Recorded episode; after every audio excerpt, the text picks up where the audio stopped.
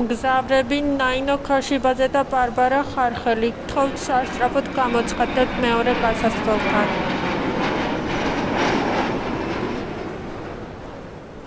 ვინ ვართ ჩვენ და რატომ შეიძლება დაგაინტერესოთ ჩვენმა ლაპტოპამ? ნაინო თბილისიდან ერთვება. მე კი ბარბარა პარიზიდან. ჩვენ უკვე 2000 წლეულია საუკეთესო მეგობრები ვართ და ჩვენს მეგობრობას დისტანციამაც ვერაფერი დააკლო. ამ პოდკასტში შეგიძლიათ უსმინოთ ჩვენს მეგობრობას, სადაც ყოველ კვირა ერთმანეთს გავუზიარებთ სიახლეებს, განვიხილავთ საინტერესო მოვლენებს და იქნებ დავადგინოთ ჯობია თუ არა თბილისის ანძა ეიფელს. მე მაინც მგონია რომ საერთაშორისო ბაზარზე უნდა გახვიდე. ხო, შენ ძალიან ექსპორტს კი იმას შვები, რა ქვია, აწვევი, მაგრამ ჭირს. ჭირს ეს საიმაში საქართველოში ეგეც კი ის არის პრობლემური. და ა პატარა დეითინგ ბული როა. ეგ ანუ მაგაზე ეგეც კი აისახება რომ ეს არის რა ქვია ვიღაცები არიან ხოლმე რომ აი თუ მე თან ხო ძალიან მიყვარს გაზიარებები რაღაცებს და ესეთი საცილო ისტორიები რომ აქ მეგობრებზე ვაზიარებ ხოლმე. და ყოფილა რამდენიმე შემთხვევა რომ აი ვიღაცის რო გამიზიარებია უი ეგ ის არის კრიპი ესპანელი ბიჭი როა უი მე ანუ ერთ და იგივე ბიჭებს ამეჩ მეჩა კი უი ერთი და იგივე ბიჭის დამეჩაზე ეხლა ხალხს ქონდა ძალიან ის კურიოზი მე და ჩემ მეგობარს რომელმაც მოკლედ ვიღაც ბიჭი დამეჩე რომელსაც ერთხელ ველაპარაკე სულ რაღაც. აა და მე ჩემ მეგობარი მწერს რომ ამ და ბიჭთანო ილაპარაკეო რომელიმე აპლიკაციაშიო და მეთქი მოიცა რაღაცა და გამახსენდა რომ კი ამ სახელის ფიშს ველაპარაკე და მოკლედ ველაპარაკეთო რაღაცა ისე ისე კარგად წავიდა საუბარიო და შეხვედრაზე შევუთანხმდიო მე რაღაც სხვა სოციალურ ქსელებში გადაინაცვლეს და ჩემთან ერთად ფოტოები ედოამ ჩემ მეგობარს და იმან რო ნახა არა უტეხავსო შენ მეგობარს ვიცნობო თუ რაღაცა და წაშალონ არ უთხრა რომელ მეგობარს და ნუ ის მიხვდა იმიტომ რომ ყველაზე აქტიურები ამ დეითინგ იმაში ჩვენ ვართ და ის მიხვდა რომ მოკლედ მე მე ვიყავი და მე მოკლედ ის არა ქვე და ან მეჩ დაადო და მოკლედ შეხვდა აღარ შეხვდა შტერი არის მე თუ მკითხავ ჯესტის ბიჭი იმიტომ რომ ეს ძალიან კარგი გოგო გაუშვა ხელიდან ეს ერთი. და მე მოკლედ შევხედე და სანამ ან მე ჩემ ანუ არ ქონდა ჩემთვის დადებული მივწერა მეთქი ჩემ მეგობარი რატო გაანაწყენე თქო მე იგი პასუხა დავიდა რაც კითხვის შენ გამომიგზავნა ვითომ ვერ მიხვდა ან უეჭველი მიხვდებოდა ეხლა თუ ვიღაცის ან თან ერთხელ ველაპარაკე და პროსტა ონლაინ ქონდა ჩვენ ფოტოები ნანახი და მაგ ფოტოებით მიხვდა რომ იმის ფოტოებში მე ვარ შესაბამისად რას ვერ მიხვდებოდა ეხლა რომ ეგ რას ვეკითხებოდი. და მე აღარ მინახავს მაგის მე რამე მოიწერა თუ არა მაგრამ მეც ან მეჩი დამადო და მე უმრობდით რომ ალბათ ვიფიქრე რომ ვინ გიჟებს გადავეყარე. და ძირითადად ანუ ძალიან ის არ ხო ეს მგონია რომ ამ იმაზე დეითინგ აპებზე იმის გამო რომ ძალიან დიდი ხანია ვიყენებ ვიღაცები რომ მოდიან ხოლმე ეს მგონია რომ ჰოსტესიო რომ მოდი ახლა ყველაფერს მოგიყვები. რა ხდება გაგაცნო. ეხლა გითხრა. ხო და დაახლოებით ეგ ეგ ესეც რაღაც ახალი ის იყო რა ქვია, რომ აი რაღაცა პირველი მეჩი ხარ და ეგეთ რაღაცას რო გეუბნებიან ხოლმე და შენ ამ დროს რო აი უკვე რო 200 ესეთ ადამიანს ელაპარაკე და რო აღარ ცოტა აი გიბლაგვებს ამ ექსაიტმენტი შეგზნებას ეგ მომენტი არის. მათთვის ჯერ კიდე ექსაიტინგია ხოლმე და შენთვის რაღაცა, მაგრამ რატო არის ექსაიტინგი ვერ ხვდები ცოტა მე მგონი დამოკიდებულების ამბავი ცოტა რაღაცა ისე უყურებენ ზერელე და ონლაინ დეითინგს საქართველოში. მე მგონი. რატო არის ექსაიტინგი გიგვირს ანუ არასერიოზულად ხო იმიტომ რომ ის არის. ხო იმათვის რატო არის ექსაიტინგი რა? როცა რომ ანუ იგივე არა სხვა რომ ეხა ბარში ვარ და არასდროს არ შემოვსულ ვარ ბარში. ხო ექსაიტინგია პირველად რო აკეთებ რაღაცას ხო და რაღაცა ანუ ხო მე მე ვარ ეთყობა ისა. უკვე მაგ დაბლაგვებული მაგ ეგ ეგ ემოცია არ ვიცი. მაგრამ ზერელებ უყურებენ ცოტა მე მგონი ამ ონლაინ დეითინგ აპებს ხო არა იცი რა მგონია რომ ყველგან ყველაფერი არის რა ანუ უძირითადად მაინც გონია რომ უმეტესობა ადამიანების ყველა ქვეყანაში ზერელებ უყურებს ონლაინ აპებს მაგრამ რაღაც ნაწილი არის ვინც სერიოზულ ურთიერთობებს ეძებს რა და ეგ ეგ ხალხი და იპოვო სათლით. მე უბრალოდ რას ვხვდები, იცი, ანუ ჩემთვის მაგალითად იმ ძალისხმების დახარჯვა უბრალოდ ზერელე ურთიერთობისთვის პროსტ არ მიღირს. ანუ ხო უნდა ველაპარაკო ამ ადამიანს გავიცნო, რაღაცა კონექშენი დავამყარო. რომ მთელი მაგ ძალისხმევის დახარჯვა იმაში, რომ რაღაცა ზედაპირულად ვეურთიერთო ვიღაცას მეზარება. ხო, მათი мотиваცია სხვა არის. იმათი мотиваცია არის მოცილები არიან. მარტივი გართობა, გართობა და სექსი მის გარეშე, რაღაცა ზედმეტი გართულებების გარეშე, ანუ ეგ არის мотиваცია და მაგას დრო ხონდა დახარჯო. ხო, მაგრამ აუგერთ მაგაში დრო ის ცოტა სხვა სხვა ძალის ხმევა უნდა მაგას. ა, მაგაზე ცალკე კურიოზი. აა კური გადავიდეთ კურიოზებზე. გადავიდეთ კურიოზებზე მითხა. ხო.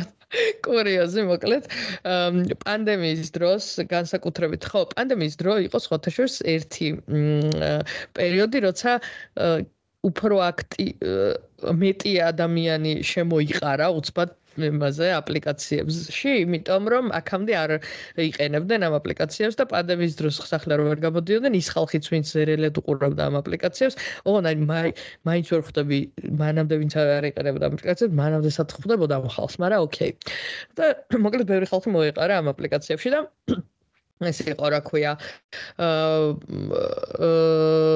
ამ ერთ ტალღის შედეგად უფრო მეტი რაღაც ახალი სახეები იყო ითრო მართლა ერთ-ერთი ის იყო ეს ტინდერი ძალიან არ მიყვარს და ძირიხარი აღარ მაქვს იმიტომ რომ საერთოდ ძალიან ცუდი კატეგორია არის მანდ და მეორე აპლიკაცია მქონდა რომელზეც ნაკლები ხალხი არის და აი დღის განმავლობაში რაღაცებს რომ სვაიპავდი ხოლმე ბოლოში გავდიოდი ამ აპლიკაციის იმდენად ცოტა ხალხი იყო რა. დახურული ხო მე მე მეც ეგრე ვიყავ იმიტომ რომ ჩემ დროს მარტო ტინდერი იყო იწებდა ბამბლი იყო სულ ახალი იყო ბამბლზე რო შევდიოდი ორი სვაიპის მერე მე ვდოდა არავინ აღარ არის. კი ზუსტად და მაგის მერე ამ პანდემიის დროს ყველა რო ონლაინ იყო გაცლებთ მეტი ხალხი იყო და მოკლედ ერთი ისე რა ქვია უკვე ყველანი რო რაღაც სვეტფენთებში რო ვზივართელი დღე და ეგეთ და რო და მე თქი აი შევ დროა რომ ეხა ვიღაცას მეურთიერთო იმიტომ რომ რა ვიცი დროძის დამთავრდება ეს ყველაფერი და გარეთ როდის გავალთ და უცადოთ რაღაცა და მოკლედ ვიღაცა გავიცანი რომელმაც მითხრა რომ ისა ლუკა პოლარესთან შეხვდეთ ერთ-ერთთანო რომელიც ჩემი სახლი ცოტა მოშორებით იყო და მეთქი ალბათ ან თან უკვე ცოტა ციოდა რა. და მეთქი ალბათ რაღაც ჩაის ან ყავის დასალევად ცხელი შოკოლადია ხოლმე რაღაც ისა ცხელ შოკოლადზე გეპატიჟებიან და რაღაცა მეთქი ალბათ ცხელი შოკოლადის დასალევად მეპატიჟება. მივედი ამ ლუკა პოლარესთან და ნუ გავა რაღაცა და ისა რა ქვია. მოდის ეს ტიპი რაღაც აცვია სვეტფენთები, რაღაც მუხლებზე გამობერილი, ზედრო რაღაცა საუზმერო ეთყობა და რაღაცაები და აქვე ცხოვრობო რაღაცა. ხო და მეთქი, ანუ ეხა შევალთ ალბათ ლუკაპოლ, ნუ მეც კაი ჯანდაბას, კაი კორონა არის, ყველა ცუდ, ყველანი ცუდად ვარ და შეიძლება არ არის ადამიანი მენტალურად იმ ადგილას, რომ აუცილებლად გამოეწყოს და ჩაიცვას და რაღაცა მეც ეხა რაღაცა ისე casual-ად მეცვა, მაგრამ ჯინსი მაინც ჩავიცვი, ანუ რაღაცა მქონდა decency. ხო და ესა, ველოდები რომ ლუკაპოლო შევალ და ანუ აქვე ბაღი არისო. და იქო დავსხდეთ. ხოდა სადღაც მოკლედ თავის სახლთან ბაღში დამაჯინა ოქტომბერი იყო თუ ნოემბერი ციოდა მოკლედ უკვე. და ან ნოლი ძალისხმევა ჩადო საერთოდ იმაში რომ ან რაღაცა წვერი გაეპარსა ან რაღაცა მოწესრიგებინა ადამიანს ან რაღაცა და ეგ ეგ ხალხი მაინდა და მე რო ვილაპარაკეთ და რაღაცა და დავიშალეთ მომწერა რომ მე მივხვდიო რომ ესა არ არ მინდა ისეთი ისეთი რამე სერიოზულ ურთიერთობას არ ვეძებო უფრო ისო რაღაც მხოლოდ სექსი მინდაო და რაღაცაებიო და მე ვფიქრობ აი ვის რა ჩემ ყლეთ ჭირდება? ანუ თუ უბრალოდ მარტო სექსისტის ადამიანს ეძებ ვიღაცა ჩარვალ გაურეცხავ გაუპარსავ და ესთეთიურად არასასიამოვნო ადამიანს რომელიც თან მით უმეტეს თავის სახთან იბარებს რატო? მასთან ურთიერთობას რატო დავყარებ? ხო და არ ვიცი რა ისინი აქვთ რა ხო ეგ ეგ მაგათაც ძალიან დიდი წარმოდგენა აქვთ ალბათ თავზე და გონიათ რომ ყველა ოცნებობს მათთან სექსზე და არანაირი ეფორტი არ აქვთ გასაკეთებელი რომ შეაბამ შეაბან ქალები. ანუ ეგ ეგ კატეგორია მეც ნახდათ არ მესმის ანუ რა რა ისი იმედი აქვთ. მეთქი რავი წარმატებები ყველაფერში სულ კარგად მეყოლე. აბა ჰე. ა თან ის იყო რა ქვე მარტოც არ ცხოვრობდა ეგ ცალკე არის ხოლმე კიდე საინტერესო რას ელოდება რომ ვიღაცა დამოუკიდებელი ქალი რომელიც მარტო ცხოვრობს თავისუფალი ურთიერთობა აქვს და არ აინტერესებს ვიღაცების რაღაც ისინი რა ქვია მოსაზრებები მის იმასთან დაკავშირებით სექსუალურ ცხოვრებასთან დაკავშირებით მას აირჩევს პარტნიორად. თან ანუ ისე რომ მარტო სექსუალური სექსი გონდეს მასთან. ფიქრობს რომ ეს სად არის ახლა ეს შარვალ გამობერილი გიორგი. ნეტაი პირდაუბანელი და გაუპარსავი. ნო ხო არ ვიცი, მაგათ არ ვიცი რისი რისი იმედი აქვთ. მაგრამ მაგათაც გონია რომ რაღაცა უტყდებათ რომ ეფორტი გააკეთონ რა. ხო, იმიტომ რომ ეხავს, იმიტომ რომ თუ, იმიტომ რომ ალბათ efforts-ს უჩადებ და არავის არ მოეწონები, უფრო უფრო ხო, ხო, ხო, ეგრეა. ზერო რეალურად ეს ქრეს რა ქვია. მართლა შენ არ მოწონხარ და არა ის რომ შენ გამობერილი შარვალი. მოეწონა ვიღაცას. შენ გქონდა რამე კურიოზები მანდ? მე ესე იგი მე მარტო აქ გამოვიყენე dating აპლიკაციები რომ ჩამოვედი, იმიტომ რომ არავის არ ვიცნობდი და ძირთადად უფრო ესე ლოკალების გაცნობის მიზნით. ანუ მე არასდროს არ ვეძებდი სერიოზულ ურთიერთობას, იმიტომ რომ უკან ვაპირებდი ჩამოსვლას ერთი წლის თავზე და შესაბამისად უფრო ესე აი გაცნობის მიზნით. ხო და ეგ მგონია რომ ეგ მიდგომა რომ ამდენად არასერიოზულად არ ვიტყოდი, მაგრამ უფრო ხალისით ვუდგებოდი ამ საკითხს და არანაირი ჩეკლისტი და ის არ მქონდა, რომ ვაიმე, ვაიმე ახლა ქვარს ვეძებ და ესეთი უნდა იყოს, ესეთი უნდა იყოს, ესეთი უნდა იყოს და ეს შფოთვა საერთოდ არ მოყვებოდა რა, მხოლოდ პოზიტიური ემოცია იყო. და მაგიტომ მგონია რომ ძალიან კარგი ექსპერიენსი მქონდა რა. ყველა ვინც გავიცანი ბოდიში პარიზში დეითინგობდი. აუ არა, მაგას ვიტყოდი, ვიტყოდი რომ პარიზიერი ეგრე მეთქი, მაგრამ ჯგუფებში, სადაც ვარ ქალების ჯგუფებში, აი დღე არ გადის რომ ვიღაცამ არ დაწეროს როგორი უბედური დეითინგ სცენა არის და როგორი საშინელი ის რაღაცები ხდება და ვერავის ვერ პოულობენ წლებია და წლებია და წლებია დეითობენ. ასე რომ თლად მაგაზეც არ არის მგონია. მართლა არ არის მაგაზე რა, აქაც ძალიან ბევრი ნაგავია. ხო და რაღაცა სხვა მიმით მიდგომით ვიყავი და ხო არა ძალიან ბევრი ცუდი ტიპია არა სერიოზული ხო ანუ უმეტესობა მაინც ეგრე არის იმიტომ რომ ახლა ზოგადად ადამიანების უმეტესობა ეგეთია შესაბამისად ხო ანუ ეგრე არის quality არის იშვიათობა ხო და მაგ მიდგომით რა ხან ვიყავი, ვისაც ხვდებოდი რაღაცა ეს და აი უფრო ხალისი იუმორიან ისეთ ტიპებს ვარჩევდი რა, ვის თანაც ახლა აი მეგობრობა გამისწორდებოდა. და შესაბამისად, რავი, აუ მე მგონი ყველა თუ არა უმეტესი დეითი და ექსპერიენსი ვის თანაც მქონია, ყველა კარგი ტიპები იყვნენ რა და მაგიტო ძალიან მიკვირს ხოლმე. აქ რო ვიღაცები მეუბნებიან რომ ვაიმე ეს რა საშინელი ბაზარია, იმიტომ რომ ჩემთვის სულ სხვანაირად იყო. ყველაფერი. არა, ისე მან ერთი მომენტი არის, რომ მე ფიზიკურად გაცნობილი უკვე რა დეითამდე მისულა, ცუდი ექსპერიენსები მეც არ მქონია, იმიტომ რომ თავიდანვე ანუ თუ არ მეწყობა ხოლმე საუბარი ეგეთ ადამიანებს არ ხვდები, იმიტომ რომ მეზარე, ანუ რატო უნდა შევხვდე ეგეთ ადამიანებს? შესაბამისად, ეს ერთ-ერთი, ანუ ის იყო იმ კურიოსთაგანი, რომელსაც არ მოველოდ მე თვითონ გაოცებული იმ ფაქტით, რომ ეს მოხდა და მო გაძურა. იმიტომ რომ სასაუბროც მაინც სასიამოვნო ადამიანი იყო და თან ის იყო რა ქვია შეხედულებების მხრივ არ ანუ ემთხვეოდა თქვენი რაღაცა შეხედულებები რა ანუ რაღაც ფასეულობებში გარღვევა არ ქონდა და ეგეთ რაღაცები თორე ეგ რო ყოფილიყო საერთოდ არ შეხვდებოდი მაგრამ ეთყობა რაღაცა კორონას ფაქტორიც იყო რომ ყველა ცხოვრება გვეზარებოდა და უკვე აღარ ვიცოდით რა როგორ გვექნა. ხო და ამიტომ უფრო მეტად ონლაინ კურიოზები უფრო ხოლმე უშუალოდ საუბარში რაც არის რომელსაც გიზიარე. მე ეგეთ ეგეთ ტიპებს იმდენად მალევე ფილტრავდი, ანუ საერთოდ ან ძალიან ბევრს ფილტრავდი რა, ანუ ხო ხვდები, hi how are you ვინც მომწერდა, ეგ ეგრევე გაფილტრული იყო, ანუ რაღაცა ცოტა მაინც საინტერესოს თუ არ მომწერდა და ან რაღაც სახალისოს, ან ორიგინალურს საერთოდ არ პასუხობდი. შესაბამისად, მაგან უკვე ძალიან ბევრი გაფილტრა. ან ბევრ დროს არ ხარჯავდი მოკლედ მაგაზე რა. ჯონატანმა რა მოგწერა ერთი ეგ მოყევე. საინტერესო. ხო და ჯონატანია, ნუ ჩემი ეხლანდელი მეუღლეც ასევე გავიცანი ტინდერზე, ოღონდ ის ორი თვით ადრეს ან უკან ჩამოვიდოდი, ანუ ნოემბრის ბოლო იყო და ჟუფრ ნაკლებითაც. ნოემბრის ბოლო იყო და მე ისევ და ისევ არაფერს არ ველო არ ვეძებდი იმას სერიოზულს. პლუს ამას მეგონა რომ ფრანგი არ იყო, იმიტომ რაღაცა ანუ ფრანგ ბიჭებთან მე მგონი რომ ყველაზე ნაკლებად ანუ სახალისო დეითები მქონდა ხოლმე და შესაბამისად ცოტა უფრო ექსპატ ბიჭებს ვუმიზნებდი ხოლმე და დარწმუნებული ვიყავი რომ არ იქნებოდა ფრანგი. ჯერ ერთი რომ ჯონატანი ქვია და ანუ არ არის ძალიან ფრანგული სახელი და ვიზუალურადაც ესე ფრანგს ჯონატონ! ხო თურმე ჯონატონ ყოფილა და არა ჯონათან.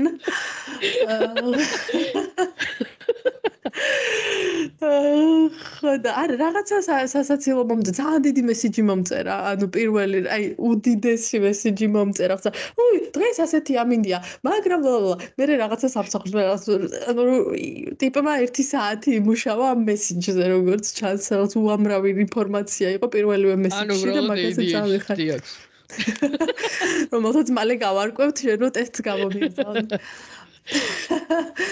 მაგრამ ზამ მიხალისება კაცო რომ ანუ ამ ხელა ეფორტი ჩადო ამ სიგრძე მესიჯის გამოგზავნაში და ამდენი ინფორმაციის გაზიარებაში და მეც ძალიან დიდი მესიჯი ვუპასუხე. აა ხო და ესე დაიწყო ყველაფერი აღმოჩნდა რომ ფრანგი იყო მე, მაგრამ რო შევხვდით იმ მომენტიდანვე მას მე ერთად ვართ და არასდროს აღარ დავშორებულ ვართ და ჯამში მოკლედ ჩემ ცხოვრებამ რადიკალურად სხვა გზა აა გაიარა ვიდრე მეგონა რომ გაივლიდა. მმ ხო და აი მე აუგუშინ გამახსენდა ზუსტად რომ ზუსტად სანამ წამოვიდოდი ერთ ნაცნობს ველაპარაკებოდი. ახლა ორი დღით ადრე სანამ წამოვიდოდი და მითხრა რომ ო ხო იქნება მე ვიღაც ფრანგი ბოიფრენდი ყავდესო ან გათხოვდეო და ფრანგი ბავშვები გეყოლოსო და როგორ დავცინე მეთქი შანსი არ არის მეთქი ჩემი ბავშვი ქართველი იქნება თქვა და აი წარმოდი ან შეუძლებელია რომ რაღაც ბავშვმა დედა არ დამიძახოს მეთქი და საერთოდაც უცხოელ ბიჭებისადმი არანაირი ინტერესი არ მაქვს. მეთქი და მართლა ეგრე იყო საქართველოსში არასდროს რა ხო გამიცნია ვიღაცა უცხოელები მაგრამ რაღაცნაირად არ რეგისტრირებული არ იყვნენ დეითინგ კატეგორიაში არასდროს. ხო და ეხლა ეხლა გამახსენდა რამდენიმე დღის წინ და ძალიან ვიხალისე რომ როგორი დარწმუნებული ვიყავი რომ ეგ არ მოხდებოდა მაგრამ you never know fast forward to ბაყაყი fast forward to დინა ორ წელიწად ნახევრის არის და მე პარიზში ვცხოვრობ ხო და ძალიან ბევრი success story არის ეს ჩემი ირგვლივ ან ჯონტანის დამაც ტინდერზე გაიცნო თავისი მეუღლე და უკვე ერთი შვილი ყავს ჩემი ანას ხო იცნობ ვენესუელელი მეგობარი რომ ყავს მაგანაც ტინდერზე გაიცნო თავისი ბოიფრენდი რომთან ერთად უკვე 6 წელი არის და რა არა მე ზოგადად ონლაინ ანუ აპების მიმართ არ მაქვს ის პრობლემა. ან თვითონ მე მგონია რომ იმაშია კონტენტშია პრობლემა და არა აპლიკაციებში ან სად გაიცნო. ანუ და პლუს ინტერესებში და ბევრ რაღაცაში და მეც ვიცი რომ სპეციფიური ადამიანი ვარ და სპეციფიური ადამიანები მიზიდავს, უფრო სწორად სპეციფიური ადამიანი კი არ მიზიდავს მოკლედ არის რა რაღაცა ფიტინგის მომენტები, რომელიც გასათვალისწინებელია და ძალიან გააზრებული მაქვს ეგ საერთოდ არაფერი პრობლემა არ მაქვს მაგასთან დაკავშირებით. ამიტომ თვითონ დეიტინგ აპების წარმატებულობაზე პრობლემა არ მაქვს, მაგრამ აი საქართველოში ხვდები რომ ჩემს თაობაში მე მგონი უფრო ტეხავს და ტაბუირებული თუ რაღაცნაირი ახმა არის დეიტინგ აპების გამოყენებაზე და უფრო იმად აღიქმება რა არასერიოზულად ან რაღაცა სხვანაირად უყურებენ. და ძირთადად ეგ მე მგონი ის ხალხია რომელიც ზოგადად ინტერნეტთან არ არის ისეთი აქტიურ კავშირში როგორც მაგალითად მე ვიყავი რომელიც ფორუმის მომხმარებელი ვიყავი და სხვანაირად მოვიხმარდი ინტერნეტს და ჩემთვის ანუ ერთ-ერთი კომუნიკაციის გზა არის და მათთვის რაღაცა ცოტა აი მაგიტო ვიძახდი რომ ეს excitement-ი ამ ხალხს ვისაც აქვს ეუცნაურება. რაღაც ანუ ის კი არა exciting-ებად რომ ვიღაცა გაიცნეს ან გესაუბრებიან ან რაღაცა. აი ეს ახალი რაღაცა რო ცადეს რომელიც სინამდვილეში არ არის ეგეთი არაფერი რა. ანუ ერთ-ერთი აი მაგიტომ ამბობდი რა ბარში მივედი და ექსაიტით ხო არ ვიქნები ბართან დაკავშირებით ბარში ვზივარ. მაგიტო ცოტა ისა მგონი რომ ინტერნეტის მოხვარების თემა არის ქართულ საქართველოში და დამოკიდებულება მაგის მიმართ. შეიძლება ხო აქ მგონია რომ იმდენად უკვე ყველა ონლაინ იცნობს მართლა ერთმანეთს რომ ოდნავი ისიც არ მაქვს ხამუშიც არ მაქვს როცა ვამბობ რომ ტინდერზე გავიცანით ერთმანეთი არავის არ უკვირს და არავინ უი ვაი მართლა და აა თან რა არის აა ქართულ რეალობაში თან რა არის იცი ხო ეხა კიდე ცალკე ექს ანუ ისეთი სეგმენტი რომელზეც საერთოდ არ გვილაპარაკი არის უცხოელი ქალების ნუ ზირთადად სლავი ქალების თვის დარეგისტრირებული ქართველი კაცები.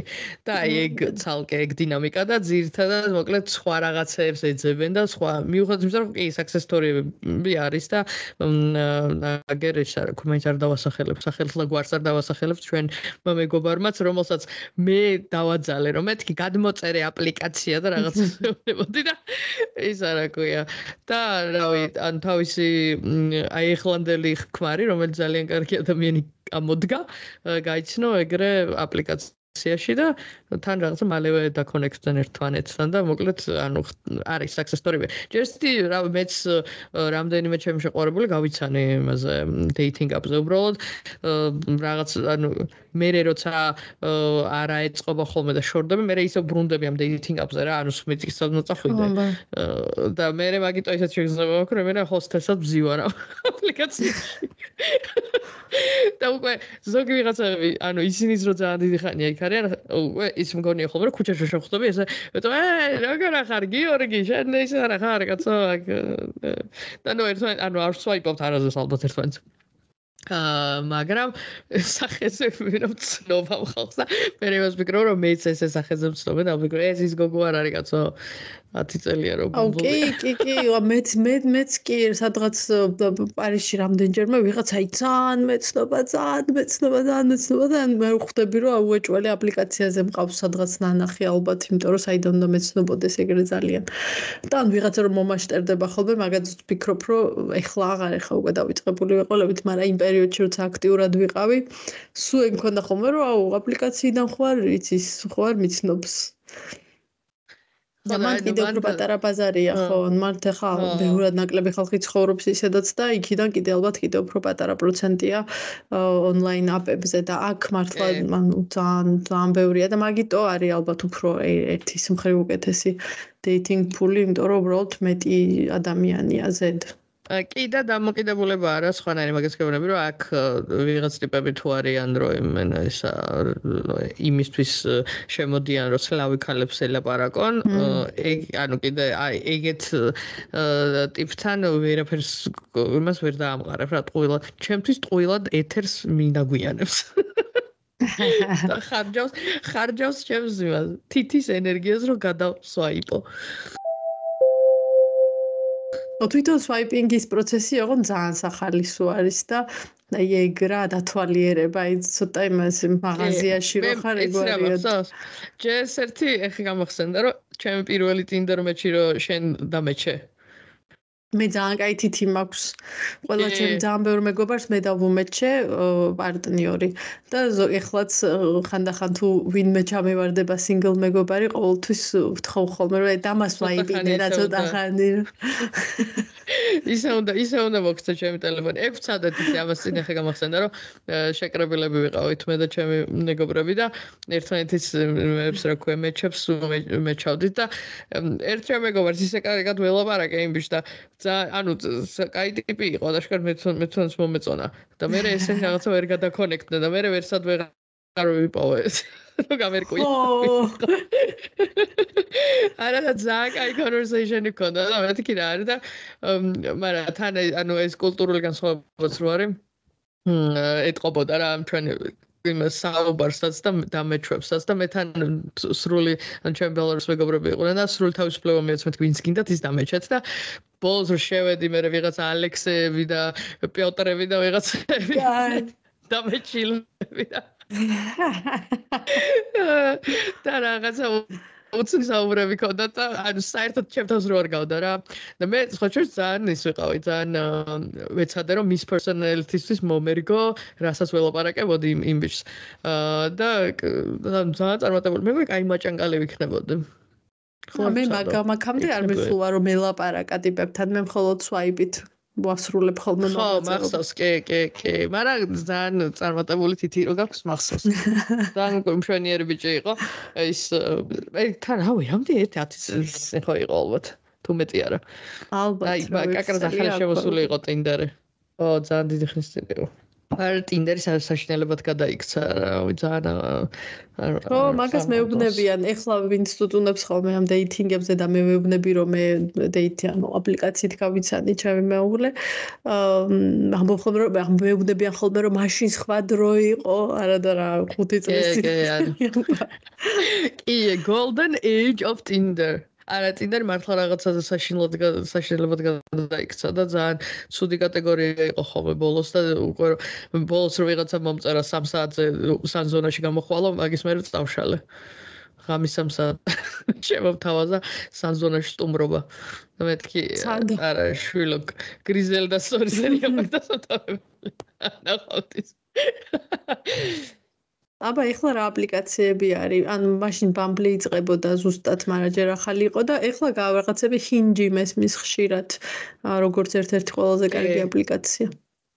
კი, ჰინჯი სხვა შეს საკმაოდ კარგია. უბრალოდ ბევრი რაღაცა ისა ისინი ფუნქციონალი რაღაცები ფასიანია და მაგდენი ან მაგდენის ფულს გადახდა მეზარება. ახლა მთლად ეტყობა ძალიან აი რატო აი ხამა ეგეთი ანუ რა ღირს? მე მგონია რომ აი ეგ ეგ ეგეც мотивაციის მაჩვენებელია რა.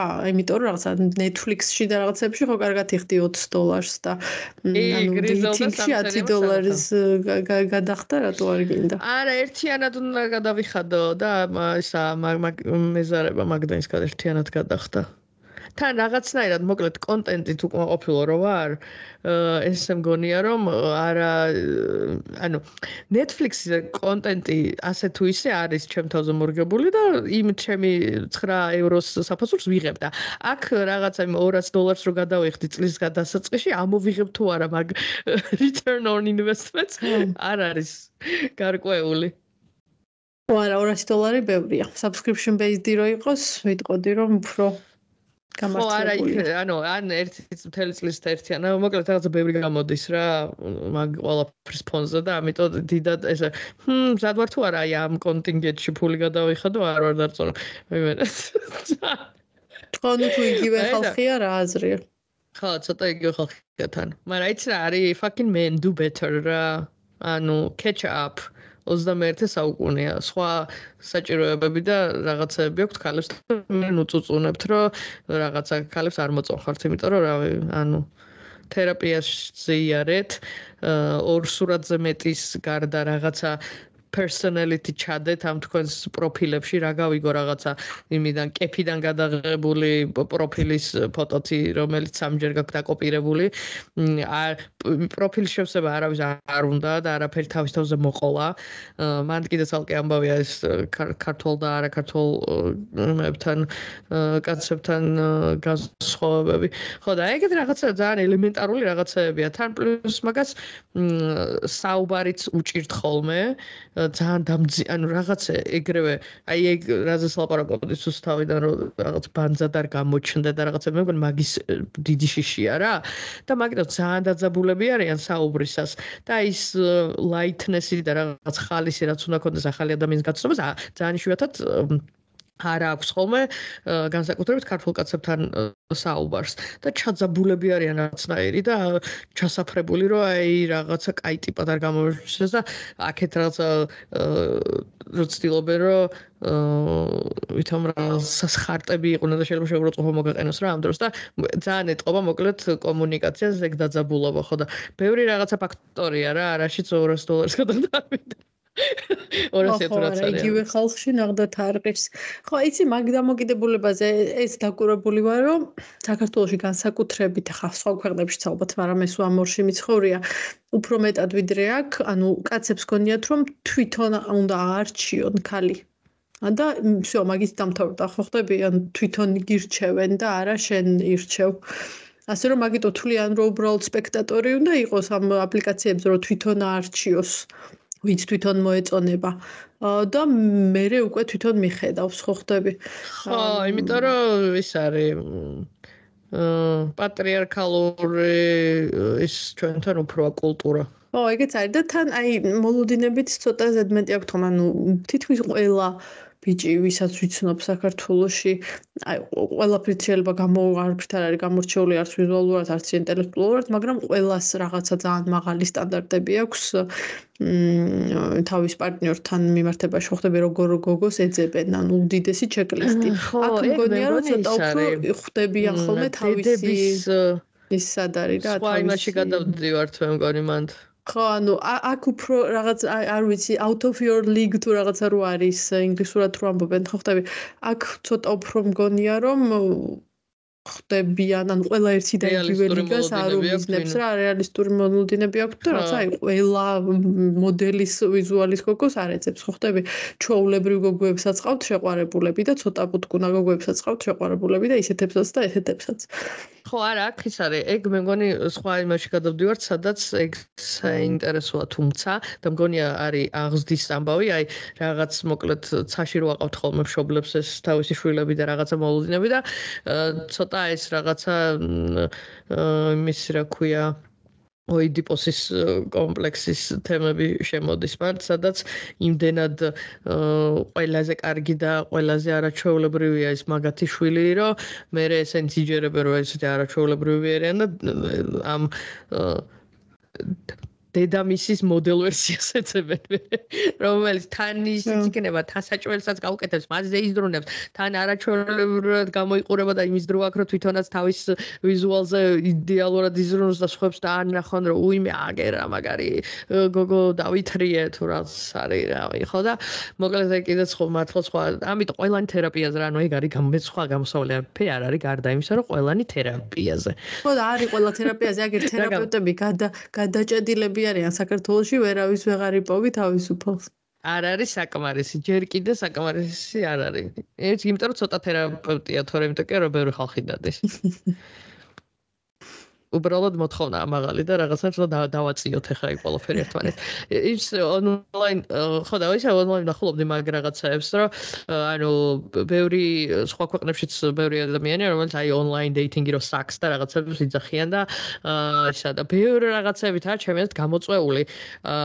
და იქაც ის იყო აა იქაც იყო საუბარი მაგაზე რომ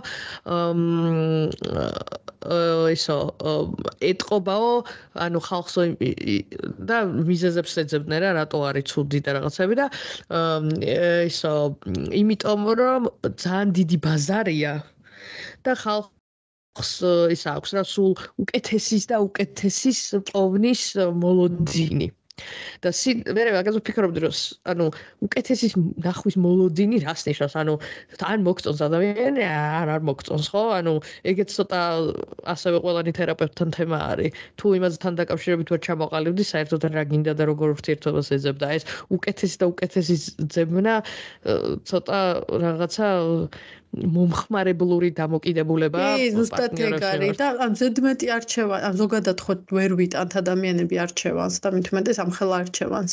ანუ ჯობია რომ ნაკლები არჩევანი გქონდეს იმისთვის რომ ბედნიერი იყო რეალურად ყველა ანუ რისერჩი მაგას ამბობს საბოლოოდ და აქ ზედმეტად ბევრი არჩევანია და სულ იმის შფოთვაში ხარ რომ ვაიმე ვიღაც უკეთესი ხარ არის იქ სადღაც ამაზე უკეთესი. და სულ ამ შედარებაში ხარ. რა და მაგიტო ვერ ისვენებ და სულ მაგ ხო და ეგ ძალიან მეუცნაურება ზოგადად. იქიდან გამომდინარე რომ ჩამოყალიბებული ვარ იმასთან ჩამოყალიბებული რა მაგრამ აი რა მეგობრები რო ავიღოთ რა ანუ მეგობრებზე ხო არ ვიწყებ იმაზე ფიქრს რომ უიმე სადღაც შეიძლება ვინმე უკეთესი მეგობარი იყოს და ეხა მოდი ამათთან მე ესე ახლოს არ ვიქნები. იმიტომ რომ მეგობარი ექსკლუზიური არ არის ერთი ცალი მეგობარი არ გყავს ეს კიდე ერთი ცალი ხო მაგრამ ხო, ერთი ცალი შეიძლება უნდა არჩიო, მაგრამ ის ხო ადამიანი, ანუ ის ხო ის არ არის ნივთი, რომელიც რაღაცა ერთი თვისე თვისებით. ისიც ხო ადამიანია თავისი ბევრი სხვადასხვა ლეერით და მაგ ლეერების ვერ გააზრება და მას ამ ლეერებთან ვერ მუშაობა და რაღაცების ვერ მიხვედრა ყველა ინტერაბერთან.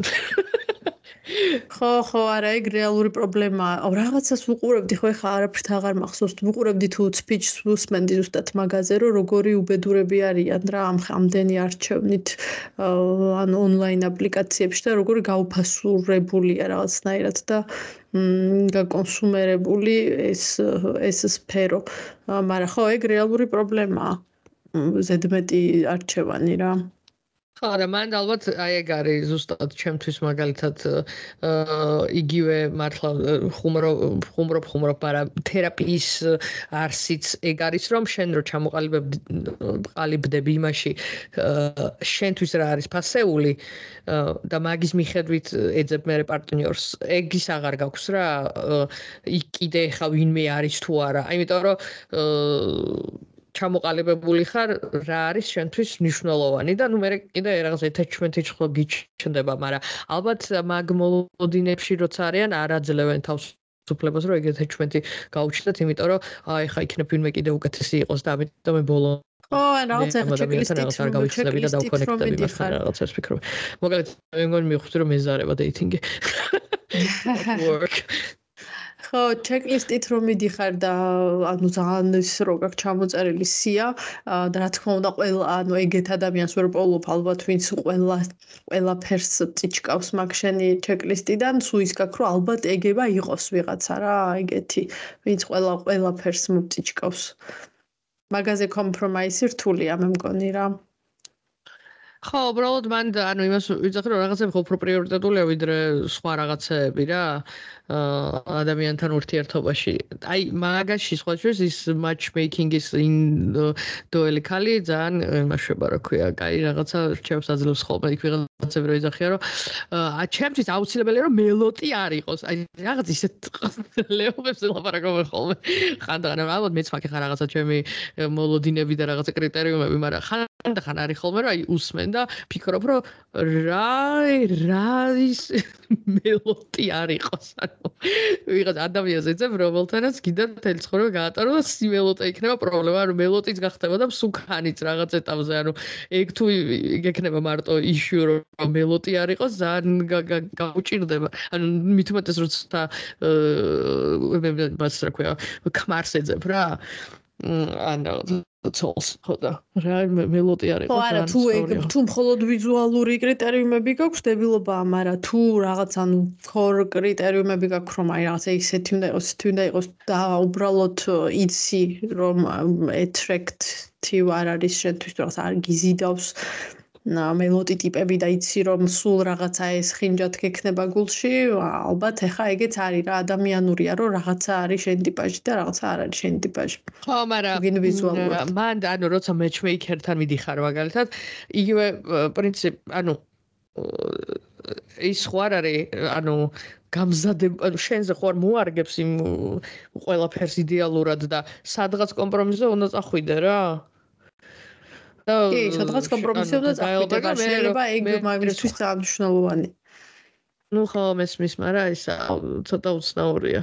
ან დაჟე სიმაღლეზეც კი არ მაქვს საუბარი, ან სიმელოტის თემა არის ძალიან უცნაური. რაღაც რო იძახთ, რომ აუცილებლად სისფერ თვალები მაქონდეს. ეგეც სასაცილოა ცოტა. ხო, არა, ხო, სისფერ თვალები სასაცილოა. მელოტი ცოტა უფრო ნაკლებად მაინც, იმიტომ რომ შეიძლება მართლა, ანუ არაფრით და არანაირად არ გიზიდავს. უთმო ადამიანი ხო ხტები ანუ თუ ვერ დააძალებ არ ვიცი. არ ვიცი. Can't relate. სხვა კრიტერიუმები მაქვს. რომელსაც არ გავამხელ. მე ვიცი შენი კრიტერიუმები.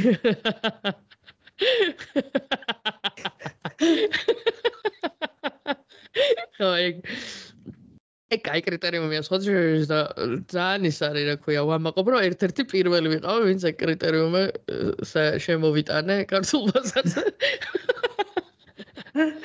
არასდროს მანამდე არ შემიხედია მაგისთვის კაცში კი მახსოვს მე აღარ მახსოვს უთხარი თუ არა იმ ადამიანს ვისგანაც დაიწყო ყველაფერი რას რომ მაგას ვაკვირდებოდით არ მახსოვს მეგონი უთხარი. აა რაღაც ახლა ბუდოვნად მახსოვს რომ მეგონი უთხარი ხო. ის ყვა დაგვავიწყდა ჩარტი რო ვიპოვე. ჩახედე ესე იგი გააკეთეს რისერჩი როგორ ხვდებიან ერთმანეთს წვილები ამერიკაში. 1950 წლიდან 2020 წლამდე.